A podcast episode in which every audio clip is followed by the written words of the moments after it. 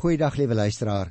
Ons is vandag by 1 Kronieke en ek wil twee hoofstukke behandel, naamlik hoofstuk 11 en hoofstuk 12. En dit handel in hoofsaak, sou ek sê, oor Dawid en hoe dat hy Jerusalem verower het. Oorsigtelik sou ek wou opmerk dat jy natuurlik moet onthou hierdie gedeelte stem eintlik grootliks ooreen met 2 Samuel 5. Deur dit wat Kronieke nou weglaat in sy weergawe en dit wat hy ook weer op 'n ander manier stel, sekere dinge, gee hy sy eie beskouing van die geskiedenis. Met ander woorde, die kroniekskrywer is by wyse van terugskouing besig om die geskiedenis van Oud-Israel voor die ballingskap te beoordeel. Jy moet onthou dit gaan in kronieke altyd om die godsvolk as een groot geheel. En hierdie volk luisteraars behoort aan God en hulle staan onder die leierskap van 'n man wat deur God as herder en aanvoerder oor hulle aangewys is. En deur daardie persoon regeer God die Ou Testamentiese Israel. Die volk erken dat hulle dit so verstaan en aanvaar. En daarom sluit hulle ook in die teenwoordigheid van die Here 'n verdrag met Dawid om as koning oor hulle te mag heers. Hulle erken dat God hom vir hulle gegee het en hulle salf hom dan ook as God se gesant om namens die Here oor hulle te regeer. Die Hebreëse woordjie tussen hakies vir iemand wat gesalf is, gee ons met die woord Messias weer in Afrikaans. Nou sê die kroniekskrywer dat Dawid so 'n Messias was en sy mees uitstaande kenmerk was dat hy die stad Jerusalem uitgebou het. Daardeur het Dawid te gelykertyd ook sy koningskap uitgebou natuurlik en al hoe sterker geword terwyl die Here by hom was. Dit is die punt wat die kroniekskrywer wil beklemtoon in hierdie gedeelte. Want jy sien in Dawid se geskiedenis is daar vir kronieke bepaalde fokuspunte. God, die hele volk, die gesalfde koning, die uitbou van sy koningskap, groei van krag tot krag. Luister, vir jou en my as Nuwe Testamentiese gelowiges geld dit ook. Wanneer Jesus Christus die Messias later, soos hy genoem word in Matteus 1 vers 1, die seun van Dawid genoem word, word hierdie fokuspunte juis verskerp om die evangelie te bring van die seun van God, die koning wat gekom het en deur sy kruis en opstanding vir hom 'n kerkvolk bymekaar gemaak het wat hy deur sy gees regeer dat hy ook sy gemeente uitbrei deur die apostels tot by die uiterste eindes van die aarde en dat hy vandag nog deur sy gees hierdie gemeente van hom regeer. Nou kom ons kyk so bietjie na sekere van die hooftrekke wat na vore kom in 1 Kronieke. Hier by Hosea 11 wil ek eers die eerste 3 verse lees. Die hele Israel het gesamentlik na Dawid toe gekom in Hebron en gesê: "Ons is tog almal u eie mense. Selfs in die tyd toe Saul koning was, was u tog maar die een wat vir Israel in oorlog aangevoer het. Die Here u God het vir u gesê: "Jy moet vir my volk Israel herder wees. Ja, jy moet heerser oor my volk Israel wees." So het al die leiers van Israel by die koning in Hebron saamgekom. Toe Dawid in Hebron in teenwoordigheid van die Here 'n verdrag met hulle gesluit. Daarna het hulle vir Dawid daar tot koning oor Israel gesalf. Dit was in ooreenstemming met die belofte van die Here deur Samuel. Het jy opgemerk luisteraar, die kronikus wil die feit beklemtoon dat die Here vir Dawid van die begin af tot koning van die, soos hulle sê, die hele Israel aangewys het. Want sê hulle, dit was in ooreenstemming met die belofte van die Here deur Samuel hoe belangrik die koningskap van Dawid oor hele Israel is, blyk juis daaruit dat die kroniekskrywer dit heel aan die einde van die geskiedenis van Dawid nog 'n keer gaan vermeld, sodat die kernwoorde die hele Israel die begin en die einde van die Dawid verhaal vorm. Ons kry dus die kernwoorde die hele Israel hier in die eerste 3 verse en ook weer in hoofstuk 29 vers 26 dit word as dit ware soos 'n toffie toegedraai aan die begin en aan die einde die hele Dawids verhaal in een. Ons moet ook onthou luisteraar, in die persoon van Dawid word die teokrasie, met ander woorde, die regering van God oor sy volk as 'n geheel verwesenlik. Die volk noem dan nou 3 punte as motivering hoekom hulle begeer dat Dawid hulle koning sal wees. Eerstens, die bloed en die stamverwantskap. Tweedens, Dawid se leierskap in die nasionale stryd, die oorloë wat hulle afgelê het onder sy leiding. En derdens, Die feit dat die Here Dawid as herder oor sy volk aangestel het. Jy sien, die volk het 'n sê oor wie hulle regeer en hulle sluit daarom 'n verdrag met Dawid vanweë sy besondere verbintenis met die Here. Maar die Here eis natuurlik ook van Dawid 'n besondere verantwoordelikheid om as herder en as soos dit hier genoem word heerser, dit wil sê as koning te regeer. Die Here word uitdruklik deur die volk genoem u God, die God van Dawid. Hy is dus nie alleen die God van Israel nie, maar ook die God van 'n bepaalde individu. Dawid is tot koning oor Israel gesalf, lees ons hier in die eerste 3 verse. Die salwing moet ons onthou luisteraars was 'n godsdienstige plegtigheid en dit het gepaard gegaan met die kragtige werking van die Gees van die Here in koning Dawid. Gaan kyk maar weer 'n keer in 1 Samuel 16 vers 13 daar sê dit kry en ook in 1 Samuel hoofstuk 10 vers 10. Die koning luisteraar is dus niks minder nie as die direkte gesalfde van die Here. Dit wil sê soos die Messias. Eeue later sou die seun van Dawid as Messias, die goeie herder van die nuwe Israel word. Luister na vers 4 en vers 5. Dawid en die hele Israel het opgetrek teen Jerusalem. Dit is Jebus. Die Jebusiete, oorspronklike inwoners van die land, het toe daar gewoon. Die inwoners van Jebus het vir Dawid gesê: "Hier sal jy nie inkom nie." Tog het Dawid die Sionsvesting ingeneem. Die is nou die Dawidstad. Is 'n wonderlike, belangrike historiese punt wat ons hier teekom. Jy sien die verowering van Jerusalem, die stad waar die tempel sou staan later en wat die hoofstad van die nuwe ryk sou word, is die eerste taak van die koning. Jerusalem lees ons is vroeër Jebus genoem. Gaan kyk maar Rigters 19 vers 10 as hy dit daar kry. Dawid trek nou as koning van die hele Israel op om Jerusalem te gaan inneem.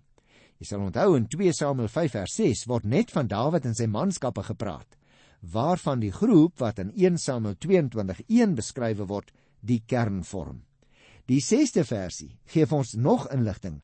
Dawid het destyds gesê enigeen wat die eerste 'n Jebusiet neervel, word 'n leier en 'n aanvoerder. Joab, die seun van Seruja, het toe eerste die stad ingegaan en hy het leier geword. Dis interessant, né? Dawid stel hulle eintlik voor 'n uitdaging. Wie eerste 'n Jebusiet neervel, hy word 'n leier. Nou moet ons onthou van wie Joab se dapperheid word hy dus die leier en die opperbevelhebber van koning Dawid se hele weermag. Vers 7 en 8 sê: Omdat Dawid toe in die vesting gaan woon het, noem hulle dit die Dawidstad. Hy het die stad rondom uitgebou van die terras af verder en Joab het die res van die stad herstel. Met ander woorde, Dawid gaan woon nou in die mees verskanste deel van die stad wat hulle noem die vesting. En hy word ook daarmee die eienaar van die hele stad. Daarom lees ons noem hulle dit die Dawidstad. En luister nou na vers 9. Dawid het al hoe sterker geword en die Here die Almagtige was by hom. Ons moet dit nie miskyk nie. Dawid se sterkte het hy daarin te danke dat die Here die Almagtige by hom was. Die naam die Almagtige, gaan kyk maar in Genesis 39 vers 2 ook, waarmee dan uitgedruk word dat alle mag in die hemel en op die aarde aan die Here behoort. Mens kry daardie gedagte ook weer later in 'n uh, 1 Kronieke by die 17de hoofstuk. Ek gaan nou liewe luisteraar uh hierdie stukkie lees van vers 10 af tot hierso so by vers 14 en luister mooi daarna. Nou volg iets oor die leiers van Dawid se dapper manne. Hulle was sterk ondersteuners van sy koningskap en saam met die hele Israel het hulle hom op die troon geplaas, soos die Here aan Israel beloof het. Hier is 'n lys van die dapper manne. En nou kry ons die name daar. Ons lees byvoorbeeld van Garmoni, Hy het met sy spies 300 man in een veldslag laat sleuwel. Jo, so 'n mens kan verstaan dat hy as een van die dapper manne gegeld het. Dan word daar nog manne genoem. Hoe dat gesê word hoe dat hulle helde was. En ons lees daar was 'n stuk land vol gars. En toe die manskap op die vlug slaan vir die Filistyne, het die drie dapper manne binne in die land stelling ingeneem en dit bou. Hulle die Filistyne verslaan en so het die Here vir hulle groot oorwinning gegee. Nou ek dink ons moet hieroor so 'n bietjie met mekaar gesels want dit gaan hier oor Dawid se manne en ek wil al die volgende verse uh in die hoofstuk nie uh vers vir vers behandel nie. Ek gaan net oorsigtelik so 'n bietjie met jou nou daaroor gesels.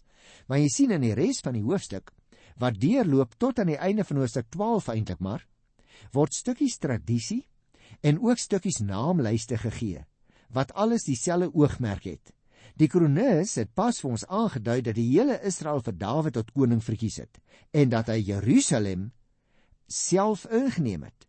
En hierdie ondersteuning van Dawid deur die hele Israel wat hom wel gevolg het, word nou so bietjie verduidelik deur die leiers van die dapper manne wat uit die stamme by Dawid aangesluit het op te noem. Jy kry van 'n name hier, ek gaan nou nie elke keer al die name behandel nie, né? Vir hierdie oorsig gee krone die kronikus nou vir ons so 'n bietjie ek sou amper sê brokkies inligting oor die heldhaftige optrede van Dawid se dapper manne. En ons moet onthou, liewe luisteraars, as jy dit mooi gaan lees en sal jy sien, daarna kom die verteenwoordigers uit die verskillende stamme van Israel aan die beurt, so van die 23ste vers af. En hierdie lys verstrek dan vir ons die name van dapper manne uit die tyd, luister nou, voordat Dawid in Jerusalem koning geword het.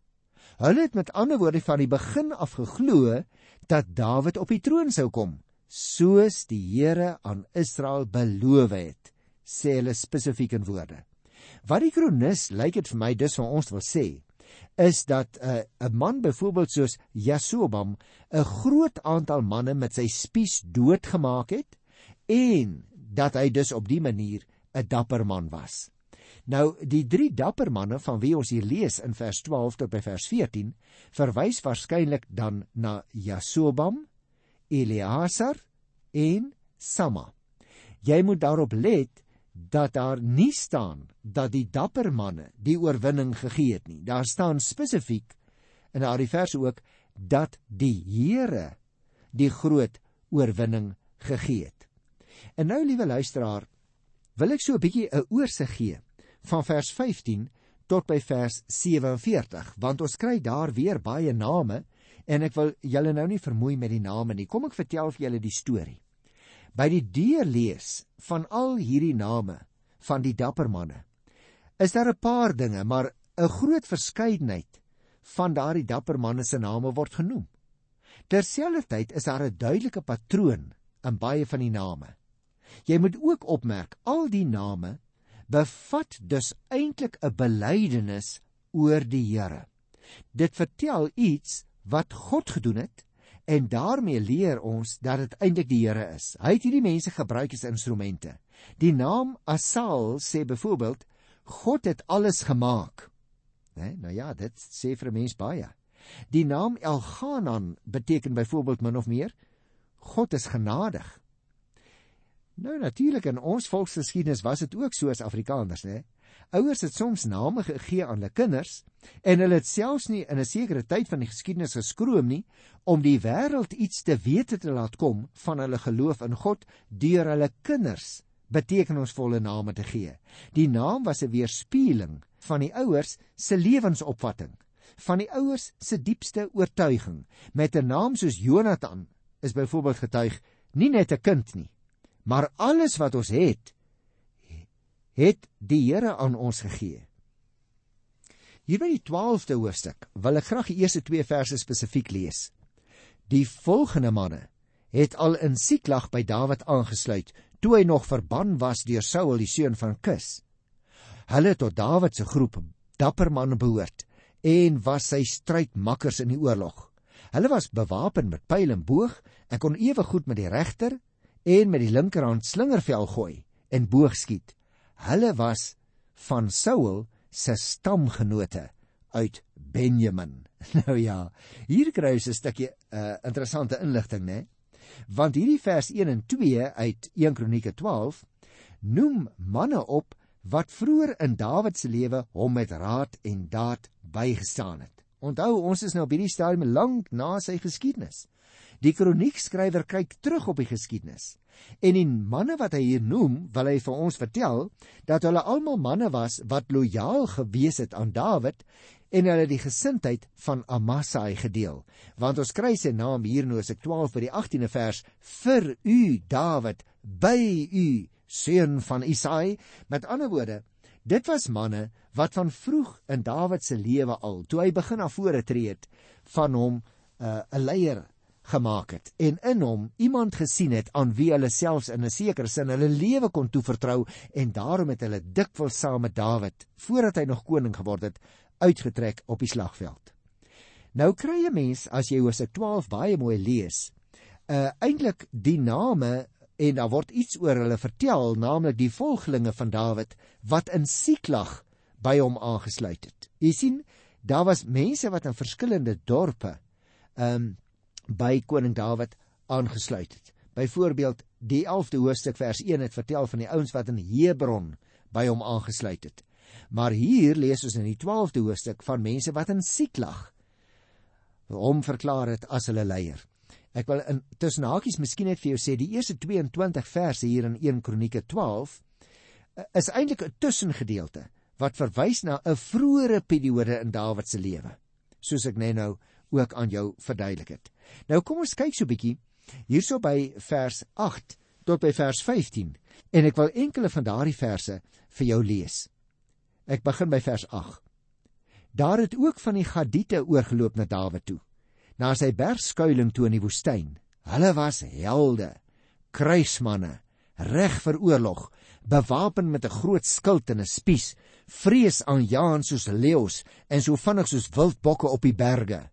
Nou dan kry jy 'n klompie name dan wil ek weer lees by vers 14. Hulle was van die mense uit Gat, hoofsaaklik van die leer. Die kleinste van hulle kon man alleen staan teen 100, die grootste teen 1000. Dit was hulle wat in die reentyd die Jordaan oorgesteek het toe hy vol was en oor al twee sy walle oorgeloop het en al die laagtes oos en wes vol gestoot het.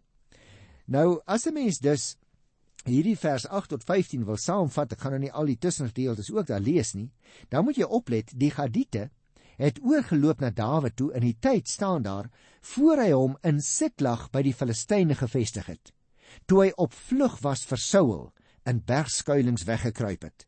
En nou word van die verskillende van hierdie bergskuilings in die woestyn uh waar hulle skuilings was melding gemaak, byvoorbeeld die skuilings by Engedi. En dit was uh, natuurlik die beste konteks omdat die Gadite daar naby gewoon het. Sien luisteraar, die 11 manne wat na Dawid toe oorgeloop het, sommige se name het ek nou gelees, was nie gewone soldate nie. Hulle was offisiere. Ons het gelees hulle was hoofmanne van die leer.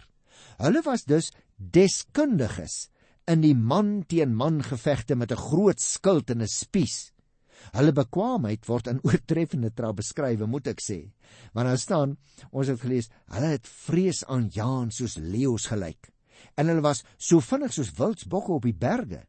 Die kleinste van hulle, het ons nou net gelees, kon man alleen staan teen 100, die grootste teen 1000. Met ander woorde, die kroniekskrywer het as dit ware sy hoed so bietjie afgelig as hy uh, hierdie woorde oor Linier pen. Hy het dit so bietjie vergroot waarskynlik, maar hy gebruik baie plastiese beskrywings om te sê hoe dapper hulle in werklikheid was. In die gewone omgangstaal beteken dit dat hulle verbete en onverskrokke in die binnengevegte ingeklim het, dat hulle meedoenlose agtervolgers was, dat hulle nie vir die getal oorswig van 'n van die vyand ooit geswoeg het nie. Hulle het hulle selfs nie deur natuurlike hindernisse laat terughou nie, selfs in die tyd dat die Jordaan in vloed was, het hulle nie teruggeduins om in die geveg uit te gaan nie en hulle was gereed om die oorwinning te behaal. Luister hierso by uh, vers 18. Daarna het die gees van Amasai, dis die man na wie ek jou net nou uh, verwys het, die leier van die 30 in besit geneem. En hy het onder leiding van die Heilige Gees gesê: "Vir u Dawid, by u, seun van Isaai, vrede vir u en vrede vir hom wat by u staan, want God help u." Jy sien dit is baie belangrik dat ons dit hier sal raak sien. Die Gees van God het vir Amasai in besit geneem. Dieselfde wat ons lees in 1 Samuel 10 vers 6. En hy getuig namens sy groep dat hulle aan Dawid se kant is, dat hulle net vrede soek, vrede vir Dawid, vrede vir die by hom, want sê hulle God is aan u kant. En dan wil ek ook nog graag vers 19 lees. Uit Manasse het mense na Dawid toe oorgeloop toe hy saam met die Filistyne op die veldtog teen Saul uitgetrek het. Hy het egter nie die Filistyne gehelp nie, want hulle regerders het hom doelbewus weggestuur. Hulle het gesê hy sal na sy koning Saul toe oorloop met ons koppe. Jy sien die sewe leiers uit Manasse wat na Dawid toe oorgeloop het, tref hom aan in die situasie wat in 1 Samuel 29 beskrywe word, waar hy verplig was om aan die kant van die Filistyne teen sy eie vaderland te moes veg. Maar nou, danksy die besware van die regerders van die Filistyne wat hom nie wou vertrou nie, kon Dawid hom aan die veldtog teen Saul onttrek waaroor hy natuurlik baie bly was. En hy het nie die Filistyne gehelp nie, want sal jy onthou uit daardie geskiedenis toe ons dit behandel het luisteraar, Daar het ons gesien hoe dat Dawid niks wou doen aan Saul nie. Selfs al het Saul hom sleg behandel. Hoekom nie? Want Dawid het vir Saul tereg beskou as die eerste koning en as die gesalfde van die Here. Daarom het hy deurgangs geweier om sy hand aan Saul se lewe te slaan. Ek wil nog vers 20 tot 22 lees. Dawid is toe Siklag toe en daar het die volgende mense uit Manasse na hom toe gekom. Vers 22 sê: Daar het van dag tot dag mense by Dawid aangekom om hom te help, totdat dit 'n groot leer geword het, 'n magtige leer. So jy sien, die kroniekskrywer vertel nou vir ons hoe dat mense algaande baie geword het, die mense wat na hom toe oorgeloop het. Ek wil nog net een versie lees, naamlik vers 24, want die opskrif is die volksleer wat in Hebron by Dawid aangesluit het. En ek wil net die 23ste vers lees omdat ons hier na die name van daardie mense gaan kry. En ek wil liewer in die algemeen daaroor met jou gesels tot by vers 40 aan die einde van 1 Kronieke 12. Hier volg die getalle van die hoofmanne van die gewapende mag wat in Hebron na Dawid toe gekom het om die koningskap van Saul om hom oor te dra volgens die wil van die Here. So sê die 23ste vers. Kom ek trek vir jou die breë lyne, liewe luisteraar. Die verse 23 tot by vers 40 noem vir ons die stamme en die aantal manskappe wat Dawid koning gemaak het by Hebron. Nou moet jy opmerk, in aansluiting by die lyste van die weerbare manskappe wat in Numeri 1 en ook in Numeri 26 genoem is, word hier ook nog die getalle aangegee van manskappe uit elkeen van die stamme van Israel wat onder Dawid kom veg het. Selfs van die leviete. Kan jy dit glo in vers 26?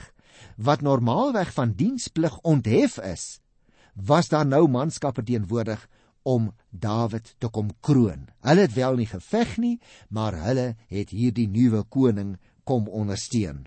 Met ander woorde, dit lyk vir my met vers 23 laat die kronikus weer sy verhaal aansluit by die kroning van Dawid tot die koning oor die hele Israel.